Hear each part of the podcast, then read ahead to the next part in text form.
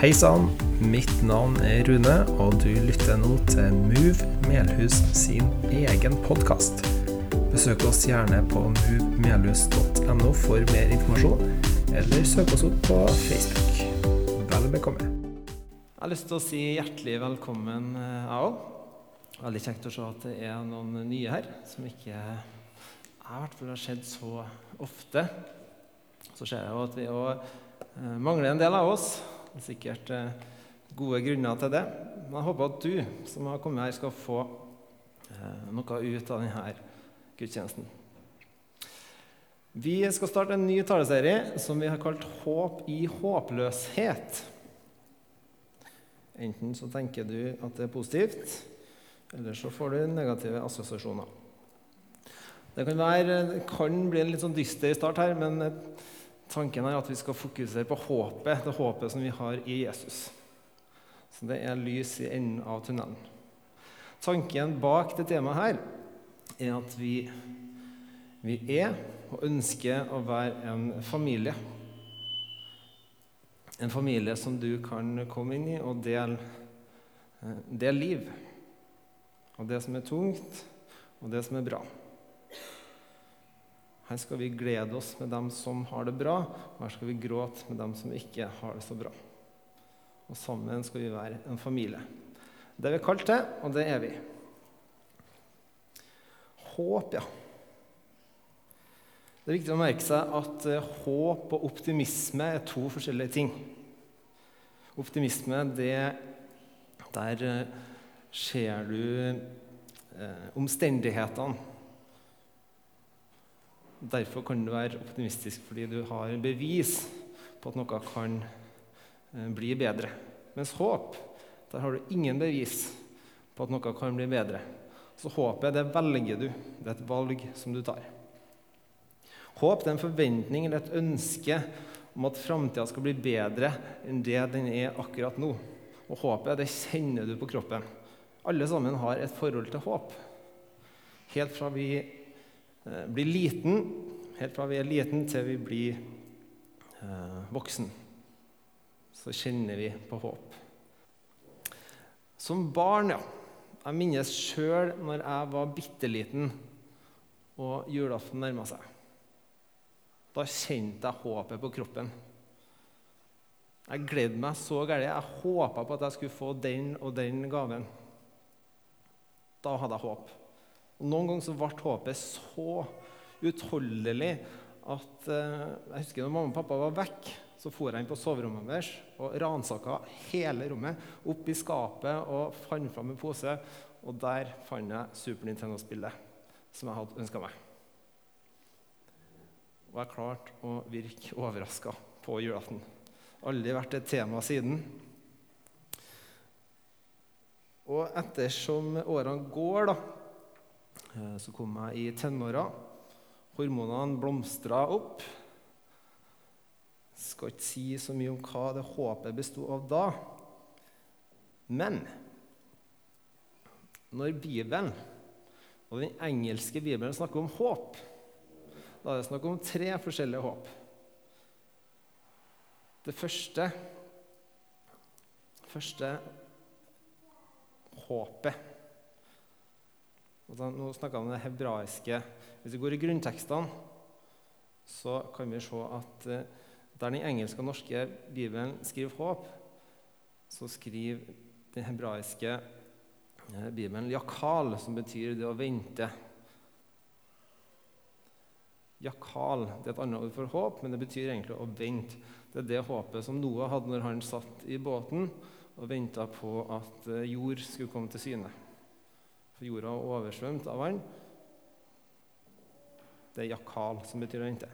Og så har du kava, som også betyr å vente. Men det er en annen type venting. Det er en venting med spenning. Det kommer fra ordet kav, som betyr snor. Så hvis du strammer ei snor og bruker stor nok kraft, så vil den ryke til slutt. Så den spenninga før det skjer noe, det er kava. Så det er en sånn forventning med en skikkelig spenning om at nå skal det skje noe snart. Så det er noe hver enkelt har, og det brukes gjerne eh, brukes for israelittene som venta på en frelser når de var i, i mørke perioder. Og så har du siste ordet for håp, som er elpis på gresk, som vi finner i Det nye testamentet. Elpis det er det kristne håpet. Det er et levende håp. Og det håpet har vi, vi som er kristne, når vi venter på en, at Gud skal skape en ny jord, der all ondskap, sorg og smerte skal forsvinne. Det er den forventninga og håpet på at det skal skje. Og det håpet det er viktig å ha med seg når vi går i møte med, i kriser, når ting ikke føles så bra. Og Sjøl om det finnes håp, da, så kommer vi i kriser. Da kommer vi i situasjoner der livet kan virke håpløst. Vi opplever brutte relasjoner, ekteskap som går i stykker, familiemedlem og venner som blir alvorlig syke, psykiske lidelser, angst og depresjoner, forfølgelse og motstand. Hvor er håpet ditt da? Hvor er Gud oppi alt det her? Gud har jo aldri lovt oss at vi skal gå gjennom dette livet helt smertefritt, og at vi ikke skal møte motstand. Men er heller ingen motsetning om at vi har en Gud som elsker oss, og som ønsker oss alt vel. Man må ikke komme i den fella at man tenker at Gud straffer deg eller straffer meg. Nå har jeg gjort noe, nå straffer Gud meg for det. Jesus har allerede tatt den straffa. Gud straffer oss ikke. Gud elsker oss, og han har sagt at han skal være med oss alle dager, også gjennom døden. For 200 år siden så feide en vekkelse over Wales. Og som mange familier gjorde, pakka de sakene sine og reiste ut for å forkynne det gode budskap. Mange reiste også til India, eh, som på den tida besto av flere stammer og landsbyer. Og i en spesiell region, da, som het Assam-regionen, de var kjent for at de var så brutale. Brutale med henrettelser, eh, brutale med form at de ville skremme folk vekk. De hadde spyd med hoder på rundt omkring i landsbyene sine. Og Inn der så reiste en familie og begynte å forkynne om Jesus. Og Så var det først én familie som fikk det møtet med Jesus og konvertert fra den avgudsdyrkelsen som de drev med. Og Det førte til at eh, landshøvdingen ble så sint at han eh, retta sitt sinne mot denne familien som var konvertert. Og Det førte bare til at troa vokste i den familien. Så familiefaren, som var på en måte overhodet i den familien, han gikk ut og forkynte videre til andre familier, som også begynte å ta imot Jesus. Landshøvdingen så jo det her og fikk dem her fanga og fikk, fikk ordna en rettssak. Hele, hele landsbygda var til stede. Og landshøvdingen ba han her familiefaren om å fornekte Jesus foran alle sammen. Det faren sa, var Jeg bestemte meg for å følge Jesus. Ingen vei tilbake. Ingen vei tilbake. Dette svaret gjorde landshøvdingen enda sintere. Så han ga ordre om å drepe de to sønnene hans. Faren svarer, sjøl om ingen vil bli med, vil jeg fortsatt følge Jesus. Ingen vei tilbake ingen vei tilbake. Høvdingen kommanderte så om å drepe kona hans. Og når blodet faller på bakken, så løfter han der mannen blikket og roper ut Korset foran meg, verden bak meg, ingen vei tilbake, ingen vei tilbake. Til slutt blir denne mannen også henretta. Mens de andre som også har tatt, eh, og gitt sitt liv til Jesus, står og venter, venter på sin tur. Men høvdingen han klarte ikke å fortsette. Han klarte ikke å skjønne hvorfor denne familien og, og familiefaren hadde et sånt stort mot. Hva var det med denne Jesus som var verdt å dø for? Han hadde sett så mange mennesker dø, men aldri på denne måten. Og Helt maktesløs og i beundring så detter han ned på tre, ikke på tre, men på kne, og gir sitt navn til Jesus. Og resten av landsbygda, eller landsbyen følger med. Hva er det med denne Jesus? Dette er en sann historie. Og den forteller meg egentlig flere ting. Men den forteller meg at Gud kan gripe inn og snu noe som er ondt, til noe godt. Det er ikke alltid at det er sånn som vi eh, ser for oss eller ønsker eller tror at det skal være. Men Gud kan gripe inn og snu det onde til det gode. Ikke alle oss kommer til å oppleve en sånn type forfølgelse. Men forfølgelser vil komme. Det står det i Bibelen at vi som har gitt vårt liv til Jesus, vi vil oppleve det. Og Det er mange av våre brødre og søstre rundt omkring i verden nå som opplever forfølgelse, som kjenner det på kroppen. Og Dem er det viktig at vi husker å be for. Ut ifra denne historien ble det skrevet en sang, 'Christ is enough'. Og Den skal vi høre på etter talen. I Bibelen så finnes det utrolig mange historier om mennesker som havner i håpløse situasjoner. Situasjoner der jeg og du garantert har fått testa trua vår. Jeg har lyst til å ta for meg en av dem, og det er fra Matteus, når disiplene skal over Genesaretsjøen sammen med Jesus. Vi leser fra Matteus 8, 23. Så steg han i båten og disiplene fulgte han. Historien innledes med at eh, disiplene følger Jesus. Jesus går først, og disiplene følger etter. Og I versene før og i versene etter så er det det Jesus går og sier 'følg meg'. Følg meg. Disiplene og Jesus skulle over på den andre sida av Genesaretsjøen, eh, den dag i dag kjent for sine plutselige, voldsomme stormer. Jeg er ikke noen geolog eller meteorolog, men eh, det har visst med eh, omstendighetene og eh, åskammene og det som er rundt denne sjøen. Og Det var akkurat det som skjedde den gangen. Vi leser videre. Da ble det et voldsomt uvær på sjøen, så båten nesten ble borte mellom bølgene. Men Jesus sov. De gikk bort og vekket ham og sa, 'Herre, frels oss, vi går under.' Det som skjedde på denne båten, her, det var rett og slett dødsangst. For det vi vet, er at i hvert fall fire av disiplene var fiskere av yrke. Vi skal jo tro at de har vært borti en eh, god storm før, men det her var noe helt annet. De for til Jesus og sa, 'Frels oss, vi går under'. Jeg vet ikke om du har hatt dødsangst noen gang før. Det har jeg. Kanskje det finnes forskjellige grader av det, men eh, i hvert fall hver gang jeg sitter på et fly og det kommer turbulens, så har jeg dødsangst. Det er sjelden jeg ber så intenst og mye som når jeg sitter på et fly og det rister. Jeg syns det er ekstremt ubehagelig.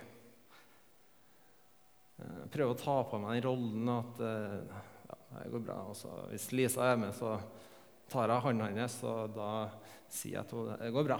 Hun sitter der og Ja, selvfølgelig. Det går bra. Men eh, sånn er jeg. Jeg syns det er fryktelig. Men jeg har lyst til, å, lyst til å dele en historie med dere om når jeg havna i en skikkelig storm for ti år siden. For ti år siden så var jeg forlova og skulle gifte meg. Kirke og eh, ja, alt var på en måte lagt til rette for et bryllup. Men en høstdag i 2008 så kom beskjeden. Rune, vi kan ikke gifte oss. Vi kan ikke treffes mer. Og et annet familiemedlem sa Rune, du er ikke velkommen i denne familien noe mer. Pang. Nå ligger det litt mer bak de her ordene enn det jeg eh, kommer til å fortelle i dag. Eh, litt for å beskytte den andre parten også. Det har vært tilgivelse og sånn i ettertid, men jeg har lyst til å dele litt om hvordan jeg opplevde det her. Hvordan det var å være Rune. Framtida og alle planer ble brått revet fra meg. Jeg havna i en dyp depresjon, og jeg følte at det var nesten ikke noe vits å leve lenger. Det var fryktelig, fryktelig vondt. Jeg befant meg i en mørk storm. Jeg skamma meg sånn at jeg droppa å gå til gudstjeneste. Jeg klarte ikke det. Jeg klarte ikke blikkene fra folk. Jeg brukte usunne substanser for å flykte fra virkeligheten. Pornografi og alkohol. Plutselig så var jeg den bortkomne sønn uten at jeg helt var klar over det. Og En sånn depresjon det gjør noe med kroppen. Hvis det er noen her som har hatt en dyp depresjon, så vet dere det. Det kommer ettervirkninger. Og det gjorde det med meg òg. Når jeg begynte å komme meg, så våkna jeg her en dag og kjente at leddene i kroppen fungerer. Samtlige ledd i kroppen knakk.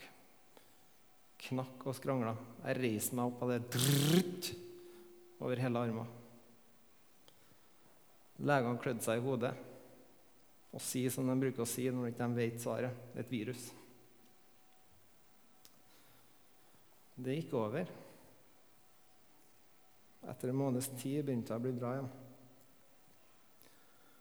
Når jeg ble bra fra det, så slutta magen å fungere. Alt jeg spiste, kom ut noen minutter etterpå. Fikk medisiner. Ingenting hjalp. Og sånn gikk jeg i flere uker. På julaften samme året da var jeg helt fri og frisk fra det. Så over nyttår hjertetrøbbel. Hver gang jeg våkna, nei, hver gang jeg skulle sove Du vet den overgangen fra du, eh, fra du er våken til du sovner. Hvis du er litt sånn spent i kroppen, så får du sånn rykk. Det fikk jeg òg, men det var i hjertet. da. Pulsen steg, og det var nesten hver eneste gang. Da hadde jeg dødsangst. Da trodde jeg skulle få hjerteinfarkt hver eneste gang jeg på å sovne. For til legen. Kobla meg opp, sjekka, fikk beskjed om at hjertet ditt er friskt. Kjente ingenting etter det besøket. Ingenting mer. Så når jeg er frisk fra det, så begynner jeg å kjenne på en kul i magen. Øm og vond kul. Jeg var sikker på at det var kreft. Det var helt reelt for meg. Dødsangst igjen. Fikk sånn eh, Er det koloskopi, dette? Du kjører et kamera bak og så hele veien opp til armene for å se om ting fungerer. Fascinerende, men litt ubehagelig. Alt så bra ut. Ingenting galt. Den kuren kjente ikke han mer til etter det besøket.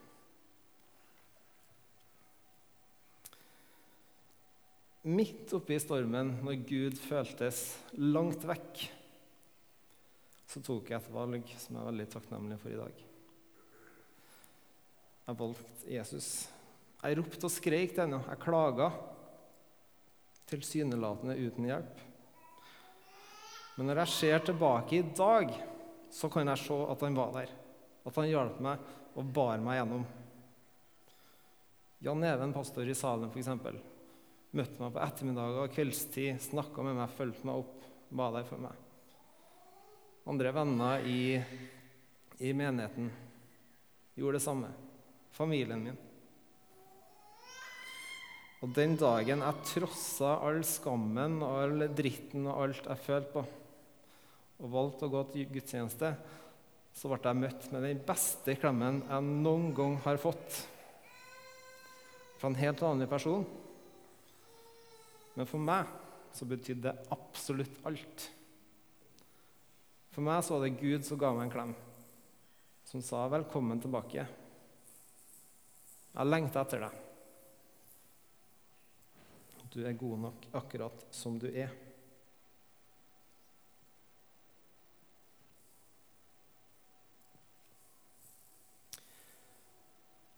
Nå er det ikke sånn at eh, Nei, jeg må si at jeg, jeg er i dag sjeleglad for at jeg skulle få lov, få lov til å møte Lisa. Få lov til å gifte meg med henne, stifte familie med henne. Gjennom henne har Gud fått lov til å helbrede meg og velsigne meg tusen, hundre millioner ganger mer enn hva jeg kunne drømme om.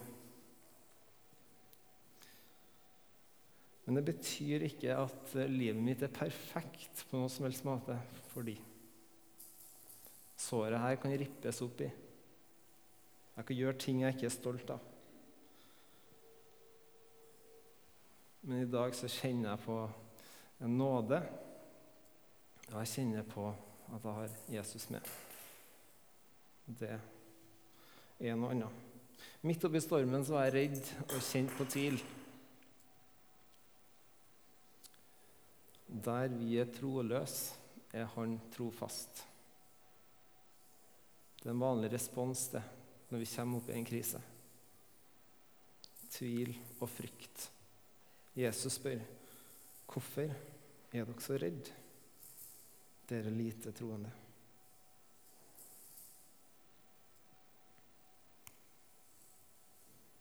Han svarte, 'Hvorfor er dere så redde, dere lite troende?' Så reiste han seg og trua vinden og sjøen, og det ble blikk stille. Mennene undra seg og spurte, 'Hva er det her for en?' Både vind og sjø adlyder han. Og Jeg syns det er så fascinerende at der vi kun ser håpløshet, så ser Gud en mulighet til å velsigne. Han ser en mulighet for vekst for sitt rike. I misjonsbefalingen så gir Jesus oss et løfte. Og se, jeg er med dere alle dager inntil verdens ende. Jesus ber oss om å følge Han og leve tett på Han. Vi skal få lov til å rope til Gud i fortvilelse. Noen ganger griper Gud inn momentant, andre ganger ikke. Det er ikke så enkelt å se det når vi står midt oppi det, men i et evighetsperspektiv så vil det se annerledes ut. Jesus forteller en lignelse i Bibelen om ei enke som besøker en dommer. En dommer som ikke har et forhold til Gud. Men den enka her besøker en dommeren og maser på dommeren om at nå må du gi meg rett mot min motpart. Men dommeren bare avviser henne. Enka kommer tilbake gang etter gang. Dommeren avviser henne. Til slutt så blir dommeren så lei han blir så lei av det her maset at han bare sier OK, du skal få din rett. Vær så god. Han orka ikke å høre på noe mer. Poenget til Jesus er at dersom denne dommeren gir den enka sin rett, så vil i hvert fall Gud gi rettferdighet til sine barn som roper dag og natt. Det gjør noe med meg, i hvert fall. Det gjør kanskje noe med min frimodighet om å be til Gud og få lov til å si fra til Han. Hva gjør du når alt virker håpløst? Klinger du deg til håpet?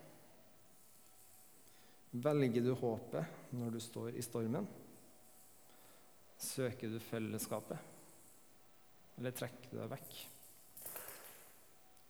Du er en del av Move, så er du fantastisk heldig. Vi er kalt til å være en familie. Og når vi tilhører Jesus, så er vi en familie. Som enkeltpersoner og som familie så vil vi møte stormen. Men det er ikke hvem som helst vi har med oss på laget. Som en del av MU så er det også en del av Jesu kropp her på jorda. Her skal du få lov til å høre andres vitnesbyrd. Det skal få være en, en, til en oppbyggelse for deg. Jeg tror det er viktig at når vi kjenner på noe, eller hvis vi har opplevd noe med Gud, at vi deler det med fellesskapet. Det kan bety lite for deg, men det kan bety enormt mye for noen andre. Litt som den klemmen jeg fikk. Den betydde kanskje ikke så mye for den personen, men for meg så betydde det alt.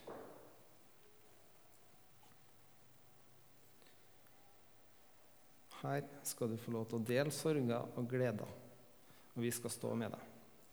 Så menighet er vi kalt til å spre de gode nyhetene og det håpet som vi har i Jesus Kristus. Og det elpisshåpet. det er virkelig verdt å ha med seg når man møter stormen, og når alt virker håpløst. Neste gudstjeneste så vil eh, så vil Lisa eh, ta for seg konkret, konkrete eksempler på hvordan vi kan vise håp både til hverandre og til mennesker utafor kirkas fire vegger. Mennesker som har havna i håpløse situasjoner. Og Som innledning til neste post så tenkte jeg å spille en sang som heter 'Christ Is Enough'. Bruk eh, gjerne tida når de sangen her går, til å be for dem som blir forfulgt. Det tenker jeg er viktig at vi gjør som fellesskap. Be for dem som blir forfulgt pga. sin tro på Jesus. Og Bruk gjerne tida på å reflektere hvilken plass Jesus har i ditt liv. Det er så fort gjort å fylle opp livet med alt mulig annet alt mulig annet som tar plass. Og når vi kommer inn i stormen, da, så betyr det ingenting. Alt det andre betyr ingenting.